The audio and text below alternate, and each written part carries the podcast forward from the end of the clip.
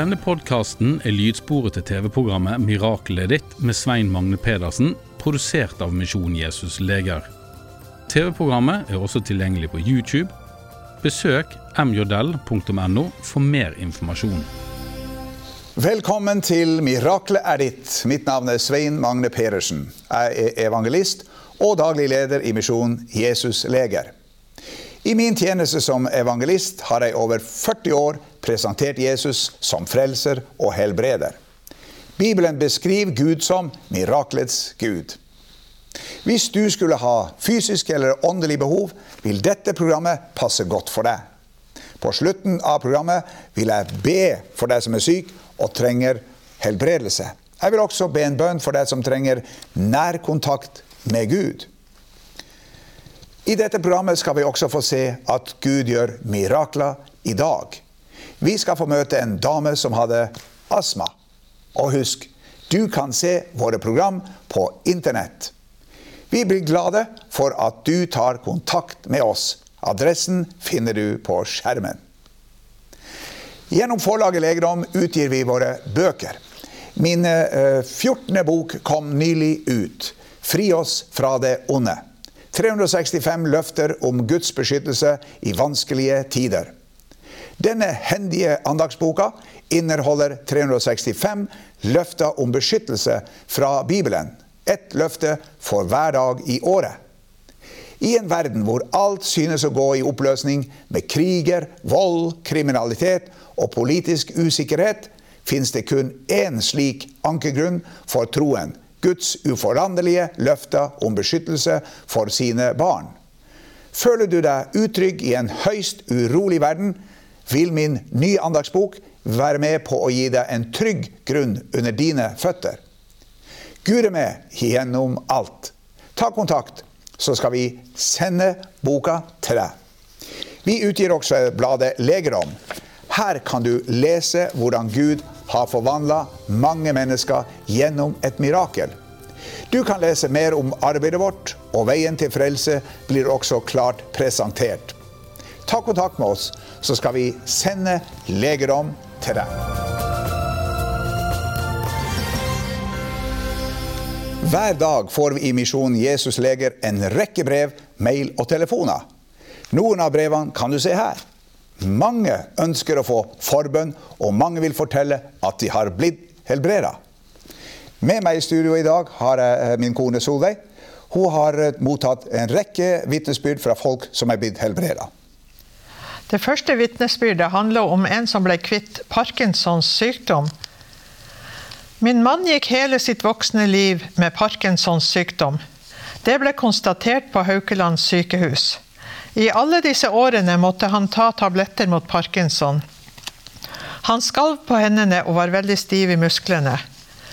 En dag for tre-fire år siden ringte jeg til deg og fikk forbønn for ham.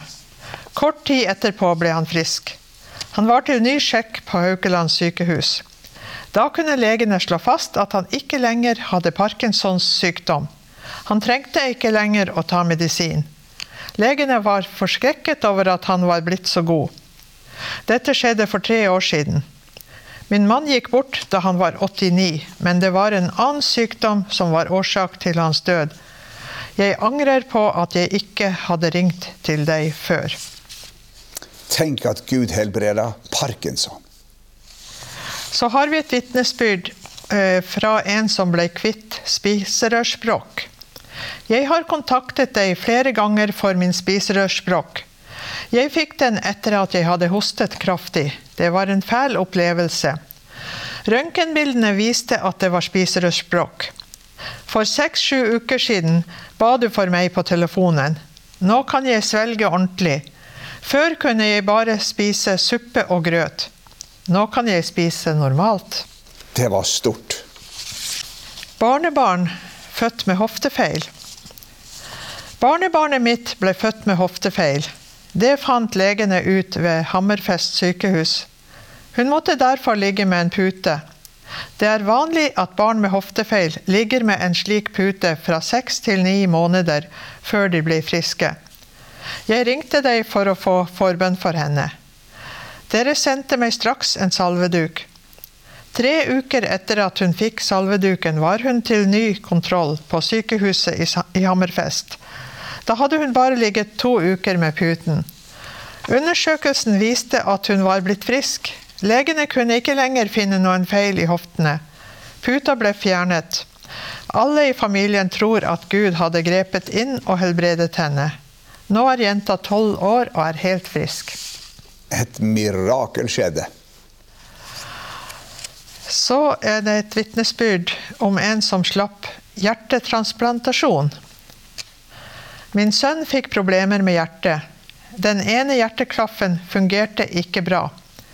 Han hadde pustevansker og måtte bruke surstoffapparat. På sykehuset fikk han alle mulige utredninger. Legene konkluderte med at han måtte skifte hjerte. På denne tiden bestemte jeg meg for å ringe til deg. Du ba for ham. Kort tid etterpå ble han brått frisk. Han fortalte meg nå kan jeg springe til bussen. Han har ikke lenger pustevansker. Etter dette har sønnen min vært til undersøkelser hos leger. Det har også blitt tatt røntgenbilder av hjertet. Nå fungerer hjertet normalt. Noe uforklarlig har skjedd.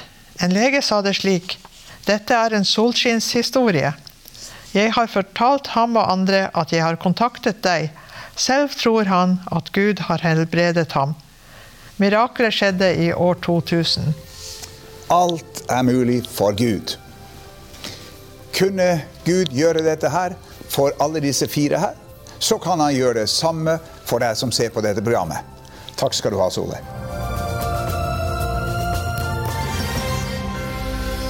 Jesus var en spesiell helbreder som brukte i alt åtte forskjellige metoder for helbredelse. Han var allsidig i sin behandling av enkeltmennesker. Måten den syke mottok helbredelsen på, kan deles i fire kategorier. For det første den syke oppsøkte Jesus og ba om hjelp. For det andre den syke ble båret til Jesus. For det tredje noen kom til Jesus og ba om hjelp for en syk som ikke var der. Og for det fjerde Jesus tok sjøl initiativet til helbredelsen og henvendte seg direkte til den syke. Evangelien forteller om 39 enkeltpersoner som ble helbreda. 30 av dem var menn, fire var kvinner, og fem er barn eller unge. De fire evangeliene forteller at Jesus helbreda syke på sju sabbater. En av disse sabbatene var Jesus i en synagoge og underviste. Mange folk var samla der. Jesus tok fokuset bort fra massene og vise omsorg for en forkommen syk kvinne. Bibelen sier. Og se, det var en kvinne der som hadde hatt en vannmaktsånd i 18 år. Hun var krumbøyd og kunne ikke rette seg opp. Da Jesus så henne, kalte han til, henne til seg og sa, 'Kvinne, du er løst fra din vannmakt.' Og han la hendene på henne, og straks rettet hun seg opp og priste Gud. For en mann å snakke til en ukjent kvinne på et offentlig sted var uvanlig og kulturelt sett nærmest uhørt. Her brøt Jesus med tradisjonen. Hennes nød grep ham. I teksten står det at Jesus så henne. Han visste i sin ånd at hun hadde vært syk i 18 år. Sykdommen gjorde henne krumbøyd. Det innebærer store ryggsmerter. Årsaken til sykdom kan være mange. Sykdom kan komme pga. slit og strev, smitte, forurensning, arvelige svakheter, skader og alder. Noen ganger Eh, kan sykdom komme pga. kontakt med onde åndsmakter i en eller annen form. Sykdomsånder kan innta en del av kroppen og påføre mennesker sykdommer og lidelser. Da nytter det ikke med medisiner eller behandlinger. Sykdomsånden må kastes ut i Jesu navn. I sin ånd visste Jesus hva som lå bak sykdommen til denne kvinnen. Satan hadde bundet henne. I denne beretningen brukte Jesus to metoder for helbredelse. Håndspåleggelse og en proklamasjon om at kvinnen var helbreda. Det var da spetakkelet begynte. Synagogeforstandens leder, synagogeforstanderen, ble harm da han så hva som skjedde. Han ble vred fordi Jesus helbreda på sabbaten. Ifølge loven fra Det gamle testamentet var det dødsstraff for å arbeide på sabbaten. Synagogeforstanderen hevda at Jesus brøt sabbatsbudet ved å helbrede på hviledagen. Dette kunne ikke Jesus stilltiende gå med på. Hør hva han sa. Men Herren svarte ham og sa, hyklere, løser ikke hver av dere oksen eller eselet på krybben på sabbaten og leier dem ut så de får drikke. Men denne, en Abrahams datter som Satan har bundet, tenk i 18 år, skulle ikke hun bli løst av dette bånd på sabbaten? Da han sa dette, ble alle hans motstandere gjort til skamme, og hele folket gledet seg over alle de herlige ting som skjedde ved ham. Å være mer opptatt av ytre formaliteter enn indre verdier kalles fariseisme. Synagogeforstanderen var preget av denne åndsretningen. Jesus tillot ikke at denne menneskefiendtlige læren skulle forhindre Guds kraft fra å flyte til den som var i nød. Å løse en syk og bundet jødisk kvinne fra Satans sykdomsbånd var ikke mer arbeid enn å løse opp tauet som oksen eller eselet var bundet av på båsen, og leie dem ut slik at de kunne få drikke. Og det gjorde alle i Israel på sabbaten. Å anklage en annen for å gjøre noe som en sjøl pleier å gjøre, kaller Jesus for hykleri. I dette tilfellet var det Gud og hans kraft som løste sykdommens bånd i denne kvinnen. Uten å tenke over det anklaga synagogeforstanderen Gud for å helbrede den syke og forkomne kvinnen. Og da har man et problem. I denne beretningen lærer vi fem viktige ting angående Jesus syn på sykdom. For det første når muligheten var til stede, venta ikke Jesus til neste dag med å helbrede syke. Hadde han gjort det, ville han ha spart seg sjøl for konfrontasjonen med synagogeforstanderen. Men Jesus gikk ikke på akkord med sannheten. Han tillot ikke farisere og hyklere å bestemme over hans helbredelsestjeneste. Nå var tiden inne for helbredelse ikke neste dag. For det andre han brøt med tradisjonen ved å ta kontakt med en kvinne på et offentlig sted. Kjærligheten til mennesker i nød settes over menneskebud og tradisjoner. For det tredje han så på den syke kvinnen som bundet. Hun måtte bli løst. På Bibelens grunnspråk, gresk, betyr ordet her å løse noe som er bundet. Jesus beskriver hennes tilstand som bundet. Når vi er syke, er vi ikke fri til å gjøre hva som helst. Sykdom er et hinder, en bremsekloss som vi trenger å bli løst fra. Ifølge Jesus er å bli helbreda det samme som å bli løst.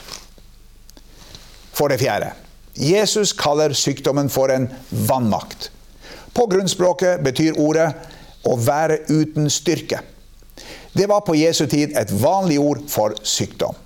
Uansett hva som er årsaken til sykdommen vår, vil ikke Jesus at vi skal lide under dette åket. Å bli helbreda betyr å få styrke og livskvaliteten tilbake igjen. For det femte Jesus uttrykte forferdelse over at denne kvinnen hadde vært bundet, tenk i 18 år. Dette indikerer at Jesus ønsker at alle bundne, syke og forkomne at de skal bli helbreda snarest mulig. Hvor lenge har du vært syk? På slutten av dette programmet vil jeg be for deg som er syk. Da kan du bli løst fra din sykdom, din vannmakt, ditt hinder i livet.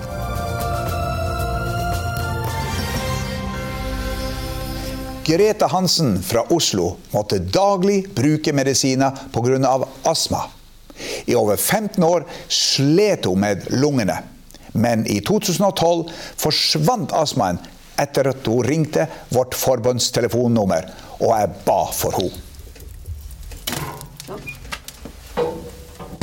Nå må jeg få en halvtime, vil jeg håpe.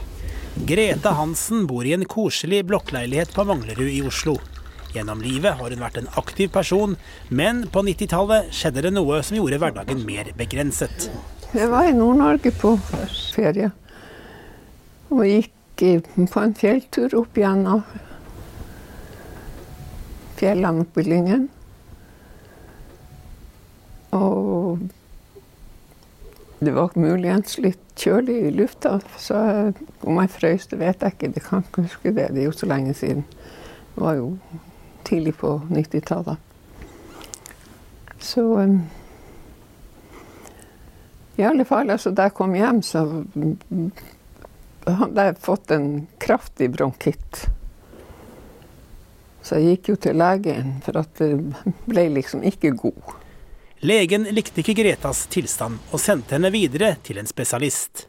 For på Rikshospitalet og fikk tatt pusteprøver. Og jeg skulle puste fem ganger i de der mekanikken de hadde. Og så kom legen opp på kontoret mens hun holdt på. Men da hadde jeg pusta fire ganger da han kom. Så sier hun du kan, se, se på det her, sa ja. Ja, sa du behøver ikke å ta den, den, å ta den femte pusten, sa han, for den her er så tydelig at uh, det er ikke noe tvil. Legens dom var klar og tydelig. Og så sier han da at ja, du har iallfall fått astma, sa han. Oi, sa jeg. Det var jo ikke så hyggelig. Nei da, men jeg skulle få medisiner, så det skulle være, gå greit. Så han skrev da ut medisiner, og, og så sier han så får du gå til fastlegen til kontroll. Så han får følge deg opp. Hvordan ble hverdagen med astma? Den ble tung. altså, jeg kunne jo ikke gå i en bakke. Jeg har jo hytte oppe i Trysil, og jeg elsker jo å gå på ski. Og vi var og skulle gå på ski, og vi hadde kommet noen meter opp i, i bakkene, ikke, ikke opp på fjellet. Da sier sønnen min at nei, mamma, vi går ned igjen, for det her, det går ikke, sa hun. Du har jo ikke pust igjen. Så var det jo bare å tusle ned. Så det ble ikke flere skiturer på fjellet? Ja, da, der var, er såpass slett i hytteområdet at der kunne jeg gå på, på veiene. Men altså så, så, snart jeg gikk i en bakke, så pusta jeg jo som en hval. Så de skiturene som jeg hadde oppå, og sammen de turene jeg hadde oppå, oppå fjellet, de, de begrensa seg jo. Hvor ofte brukte du medisiner? Så ofte som jeg behøvde. Så det var bare Hver dag, eller? Ja, det var det. Flere ganger per dag. Så det var jo Det var jo slitsomt, rett og slett. Astmaen førte til at Greta ble lett syk og fikk lungebetennelse. I 2012 var det ekstra ille da hun ble rammet av flere lungebetennelser etter hverandre. Jeg hadde jo fem lungebetennelser på rappen, så jeg var lagt inn på sykehuset. Ved ett av tilfellene var situasjonen ekstra dramatisk. Jeg kom jo inn med 40 i feber. Så jeg ramla bare i hop her, altså. Og han yngste sønnen min var jo, var jo, hjemme her, så han ble jo så redd at Så han måtte jo være med opp på, på sykehuset. Jeg hadde jo heldigvis trygghetsalarm, så, så de kom jo først, og de fikk meg jo av gårde. Mot høsten ringte Greta til Svein Magne Pedersen og fikk forbønn for astmaen. Kort tid etter merket hun at noe hadde skjedd, og at hun ikke trengte medisiner mer. Jeg fant jo sjøl ut at det var unødvendig å bruke disse. Jeg bare konfererte med legen og spurte om jeg behøvde å fortsette med det. Nei, altså når, når, når jeg ikke direkte behøvde den, så behøvde jeg ikke å ta den. Og nå, de, de, lytter jo på lungene hver gang jeg har vært hos dem, og, og finner ut at det er ikke noe i, i lungene som Og Greta er overbevist om at det var forbønnen som fjernet astmaen hun hadde hatt i nesten 20 år. Jeg har alltid trodd på, på, på helbredelse.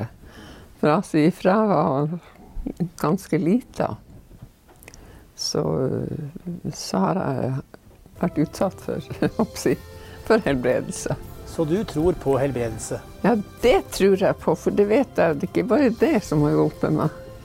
Og på å si, har det vært noe, så har jeg ringt, og så har jeg fått hjelp.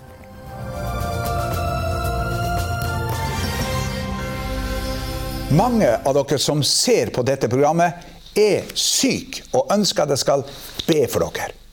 Jesus vil sjøl at vi skal ta initiativet til vår helbredelse. Han ønsker at vi skal komme til ham med våre sykdommer. Han er interessert i å helbrede alle slags sykdommer og lidelser. Jesus sa, 'Kom til meg'. Han sa også, 'Meg er gitt all makt i himmel og på jord'. Bare Jesus har kapasitet til å si til en hel verden med millioner av mennesker som er syke, 'Kom til meg'. Som allmektig har han en ubegrensa kapasitet.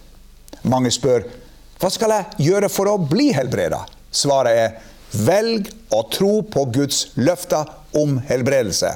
Ha et åpent sinn og forvent at Gud skal helbrede deg. Ta imot helbredelse når du nå ber sammen med meg. Hvis du er i stand til det, kan du i tillegg utløse din tro ved at du legger din hånd mot min hånd på skjermen. Nå skal jeg be for deg. Vær åpen for et under. Takk, Jesus, for at du gjennom ditt ord gir oss tilbud om helbredelse. Takk for at du på korset betalte for alle våre synder og sykdommer. Nå bryter jeg sykdommens makt og befaler den å forlate den sykes legeme. Alle former for kreft, hørselsproblemer, lammelse, beinplager, prolaps, slitasje, isjas, angst og depresjoner, schizofreni og andre psykiske plager, grønn stær, grå stær, alle øyesykdommer, søvnproblemer, krystallsyken, ME, astma, plattfot, alle hjerteproblemer, kols, sukkersyke, fibromyalgi, leddgikt, Bechdrevs sykdom, multipler sklerose, Scheuermanns sykdom, demens, Alzheimer, ulcerøs kolitt, kronsykdom og alle andre lidelser.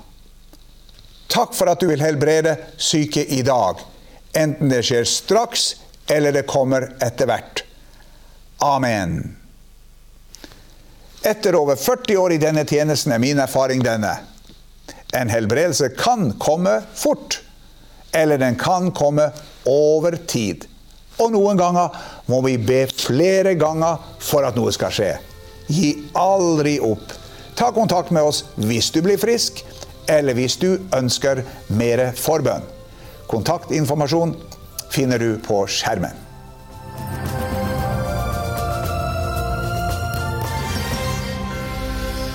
Til slutt vil jeg be for deg som trenger åndelig helbredelse. Det er fire ting du trenger å vite for å kunne ta imot Jesus i ditt liv. For det første, vit at Gud er glad i deg. Bibelen sier, men Gud viser sin kjærlighet til oss ved at Kristus døde for oss mens vi enda var syndere. Dette til tross, vårt rulleblad er ikke godt nok for Gud. For det andre, Vit at din fortid er et hinder. Vi har alle mange ganger brutt Guds bud om sannhet, kjærlighet og renhet. For det tredje, vit at det fins en redning. Guds eneste sønn, Jesus Kristus, var villig til å rydde opp i rotet. Mens han hang på korset, brukte Gud Jesus som skyteskive for sin vrede over vår synd. Straffen over alle våre synder ramma ham som var total syndfri. Bibelen sier straffen lå på ham for at vi skulle ha fred. For det fjerde, vit at du må ta imot Jesus personlig. Jesus sier, 'Se, jeg står for døren og banker.' Om noen hører min røst og åpner døren, da vil jeg gå inn til ham. Nå skal jeg hjelpe deg til å invitere Jesus inn i ditt liv. Be etter meg høyt eller stille.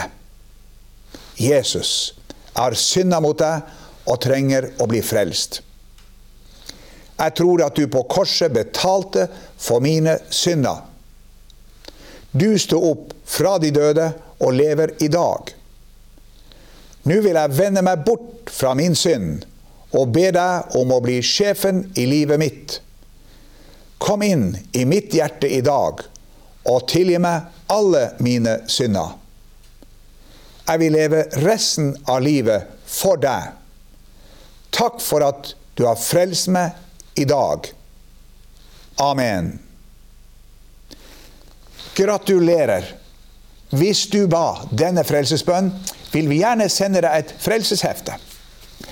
Vi har det på norsk og flere andre språk. Ta kontakt med oss nå. Kontaktinformasjon finner du på skjermen. Da gjenstår det bare å takke for i dag. Vi ses i et annet program. Gud velsigne deg. Du har nå hørt lydsporet til TV-programmet 'Miraklet ditt' med Svein Magne Pedersen, produsert av Misjon Jesus Leger. TV-programmet er også tilgjengelig på YouTube. Besøk mjodell.no for mer informasjon.